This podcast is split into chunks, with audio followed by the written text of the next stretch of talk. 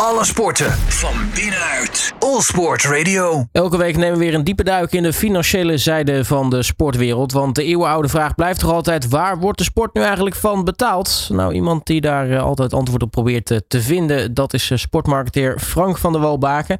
En met hem eh, gaan we weer het laatste nieuws doornemen. Frank, hele goede middag. Goedemiddag, eh, Robert. En dan beginnen we bij het eh, IOC, Frank. Ehm, toen Thomas Bach aantrad enkele jaren geleden als voorzitter van eh, het Olympisch Comité, het Internationale Olympisch Comité moet ik zeggen, was een van zijn eerste statements eh, dat de Spelen niet elke keer duurder moesten worden, maar elke keer goedkoper moesten worden voor het organiserende land. Nou, daar scoorde hij natuurlijk direct mee, want eh, hij voegde eraan toe dat het de mogelijkheid moest openen voor minder kapitaalkrachtige landen om ook in aanmerking te komen om die mooie spelen te mogen organiseren. Nou ja, helaas moet ik constateren dat hij daar slechts ten dele in is geslaagd, want eh, er werd onderaan de streep in Tokio een bedrag van ruim 12 miljard euro gemeld voor de organisatiekosten van de Tokio-spelen. Maar ik moet er wel direct aan toevoegen dat dat ook voor een groot deel te wijten was aan het feit dat het een jaar uitstel kreeg in verband met corona. En dat bracht natuurlijk extra kosten met zich mee. Maar het was hoe dan ook ruim boven het eh, budget van Rio in 2016, eh, dat beneden de 10 miljard bleef.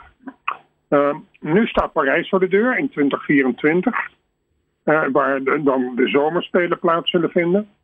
Ehm, in 2018 ehm, stond de teller voor de Parijs Spelen op 6,8 miljard. Nu staat die teller al op 8,3 miljard. En we hebben nog twee jaar te gaan. Ehm, dus eh, de verwachting is dat het hier niet bij zal blijven en dat het dichter bij de 10 miljard zal komen. Ehm, de groei in budget overigens lijkt vooral te liggen in de, de verhoogde veiligheid. Er worden maar liefst 11.000 politiepersoneel en 25.000 veiligheidsmensen ingezet. En dat is eh, nodig vandaag de dag eh, in de wereld waarin we leven. Maar dat is bijna een verdubbeling van de eerste beramingen vijf jaar geleden voor de Spelen in Parijs. Daarnaast kampen we natuurlijk met, met z'n allen op dit moment een enorme inflatie. eh, die op dit moment eh, gaande is. Ik heb overigens eh, sinds de eerste Spelen waar ik bij mocht zijn in 1984 in Los Angeles. En sindsdien heb ik ze allemaal mee mogen maken. Nog nooit Spelen meegemaakt die binnen het oorspronkelijke budget bleven. Dus je zou dus eigenlijk kunnen concluderen dat het IOC, het In- Internationaal Olympisch Comité, die de, toewijzing van de Spelen verzorgt, eigenlijk elke keer voor de gek worden gehouden. En je vraagt je af in hoeverre dat totale budget een rol speelt in die toekenning. Maar goed, dat even terzijde. Nou, nu heb ik altijd de vraag: eh, kun, kun je dan beter een winterspelen organiseren dan een zomerspelen? Is, is dat nou eigenlijk over het algemeen goedkoper of, of valt dat eigenlijk ook wel weer tegen? Het is over het algemeen goedkoper, omdat er natuurlijk minder sporten en minder mensen zullen komen. Ehm, eh, maar de winterspelen hebben weer als nadeel dat je bijvoorbeeld af en toe een, een moet aanleggen, waardoor je weer een, een, heel bos moet kappen. Eh, en dat, eh, ja, dat is weer indruisend tegen de wensen van de milieuactivisten vandaag de dag. Maar als je het hebt over puur geld, dan zijn de winterspelen aanzienlijk goedkoper dan de zomerspelen. Maar ja, het gekke is tegenwoordig winterspelen worden georganiseerd in steden die ook de zomerspelen hebben georganiseerd. Kijk naar Beijing. Eh, en ik vind dat de winterspelen thuis horen in Lillehammer of eh, eh, in echte wintersportgebieden waar je de sparrenbomen ziet met, met lage sneeuw erop. En ehm, dat dreigt in, vandaag de dag in de toekenning van de winterspelen nog alles ja, vergeten te worden. En dat vind ik jammer. Dan eh, innovatie in de sport. We weten dat dat eh, steeds belangrijker wordt. Eh, soms worden er wel eens wat, wat, wat kekke dingetjes ontwikkeld. Zo heeft Manchester City samen met de sponsor een clubsjaal ontwikkeld. waarmee ze kunnen meten hoe fans de wedstrijd beleven. Ja, ik vind het zeer opvallend en daarom maak ik er ook echt ook even een punt van om het hier te melden. Het is even om aan te geven hoe de innovatie in de sport ook met de dag belangrijke eh, rol gaat spelen. Manchester City heeft een clubsjaal ontwikkeld, uiteraard in de blauw-witte kleuren van de club, met een ingebouwde sensor die de emotie van de fans registreert. Eh, in samenwerking met sponsor Cisco is eh, deze sjaal ontwikkeld. En de, de verzamelde data geven een beter beeld in het met name emotionele gedrag van de fans. op basis waarvan natuurlijk beter kan worden ingespeeld op de wensen van die fans. Nou, die sensoren kunnen hartslag, ademhaling, transpiratie, maar ook bewegingen en acties registreren.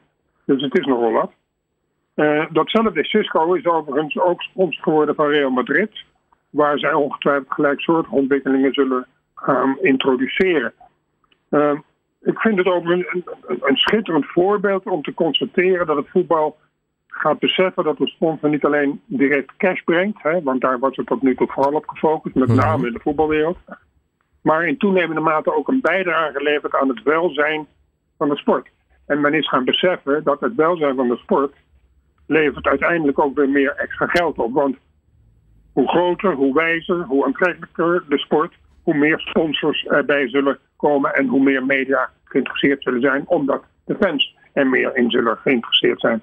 Dus uiteindelijk leveren deze, leveren deze innovatieve situaties weer extra geld op, zij het indirect. Dan uh, de, de Premier League. Uh, die hebben een, nieuwe voorzitter. En nou ja, misschien verrassend, misschien ook niet. Maar dat is een, een, vrouw geworden.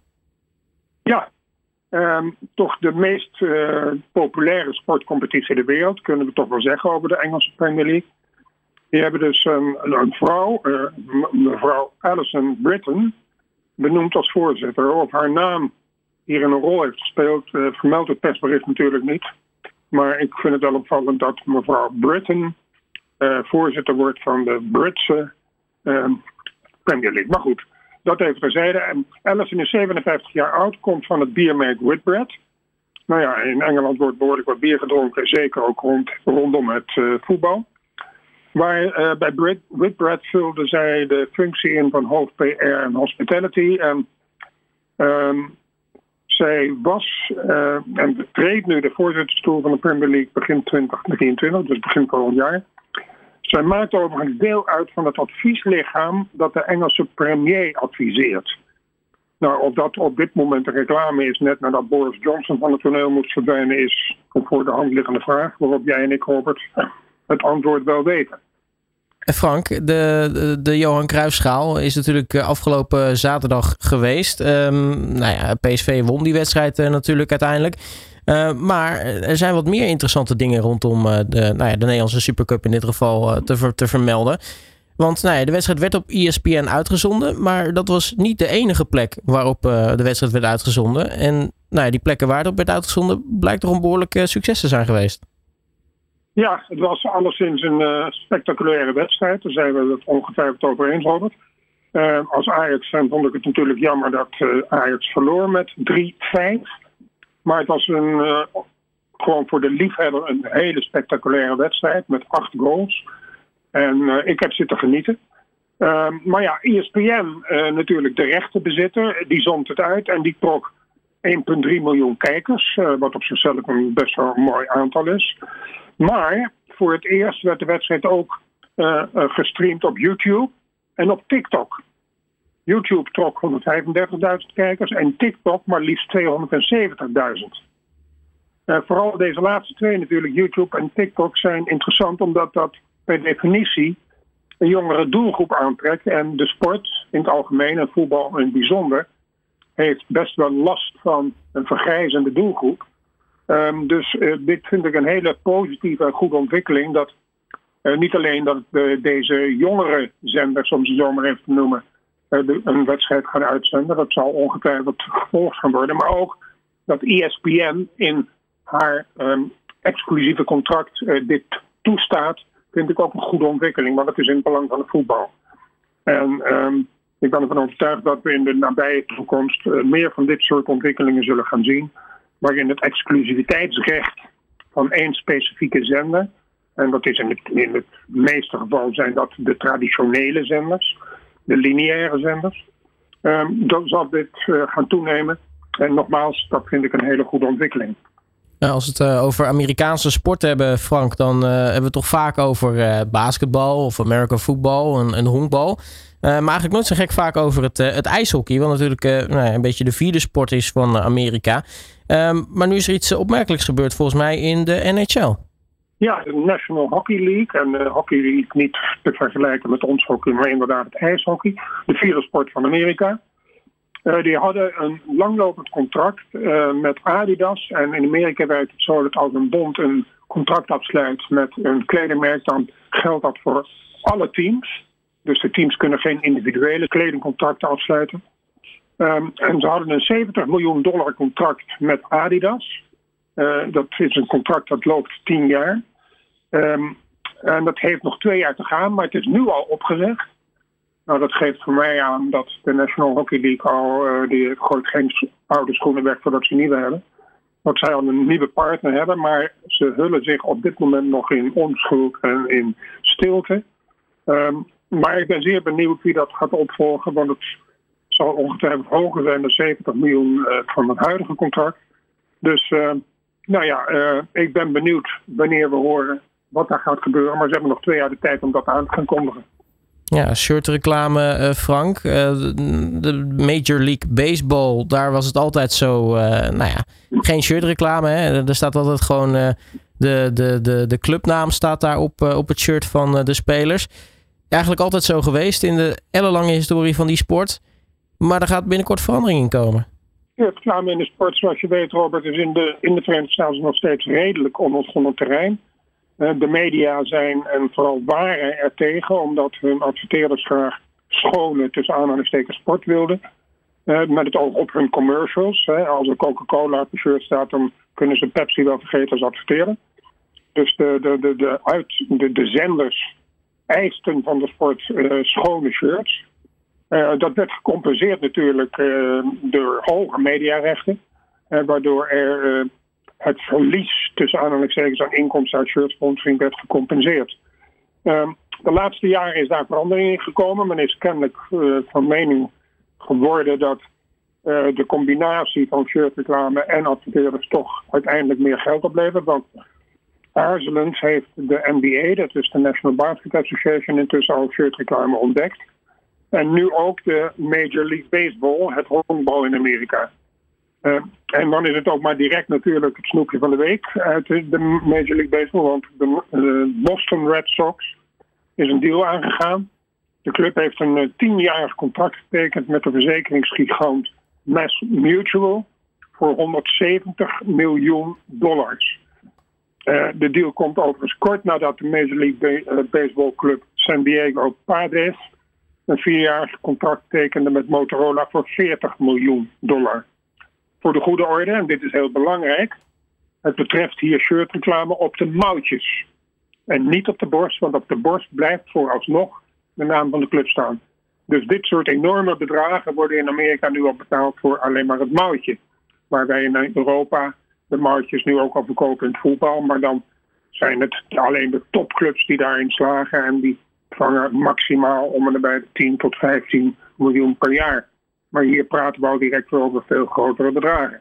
Dus uh, ik ben benieuwd hoe dit zich verder ontwikkelt.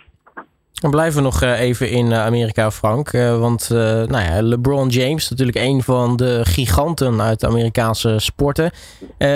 Die is nu tegenwoordig meer, bekend om ook natuurlijk het investeren in, in andere zaken. Want wat dat betreft financieel doet hij het meer dan goed. Nu heeft hij weer twee nieuwe investeringen gedaan. En dat heeft hij gedaan in, in fietsfabrikanten. Ja, het is heel opvallend. Want hoe langer hoe meer, zoals je al zei, bekende, vooral populaire sportsterren zijn aan het beseffen dat zij zelf aan het roer kunnen gaan staan van hun eigen commerciële verdiensten. Nou, of dat een juiste denkwijze is, betwijfel ik. Ik vind dat een sporter moet zich bezighouden met sport en moet zich laten adviseren in dit dat een ingewikkelde traject van maximaal rendement halen uit zijn bekendheid of haar bekendheid. Uh, maar wat je ook ziet, en dat is met LeBron James in elk geval, dat sporters hun verdiensten gaan beleggen in niet alleen crypto, wat je op dit moment vaak ziet, waar ik ook vraagtekens bij zet, maar in alle, alle niet sportgerelateerde bedrijven. Nou, je noemde het al, LeBron James heeft uh, bekendgemaakt dat hij voor 4% aandeelhouder is geworden in het Duitse sportfietsenmerk Canyon. Uh, dat is het merk overigens waar onze Mathieu van der Poel op koerst. Dus dus niet het eerste, het beste merk.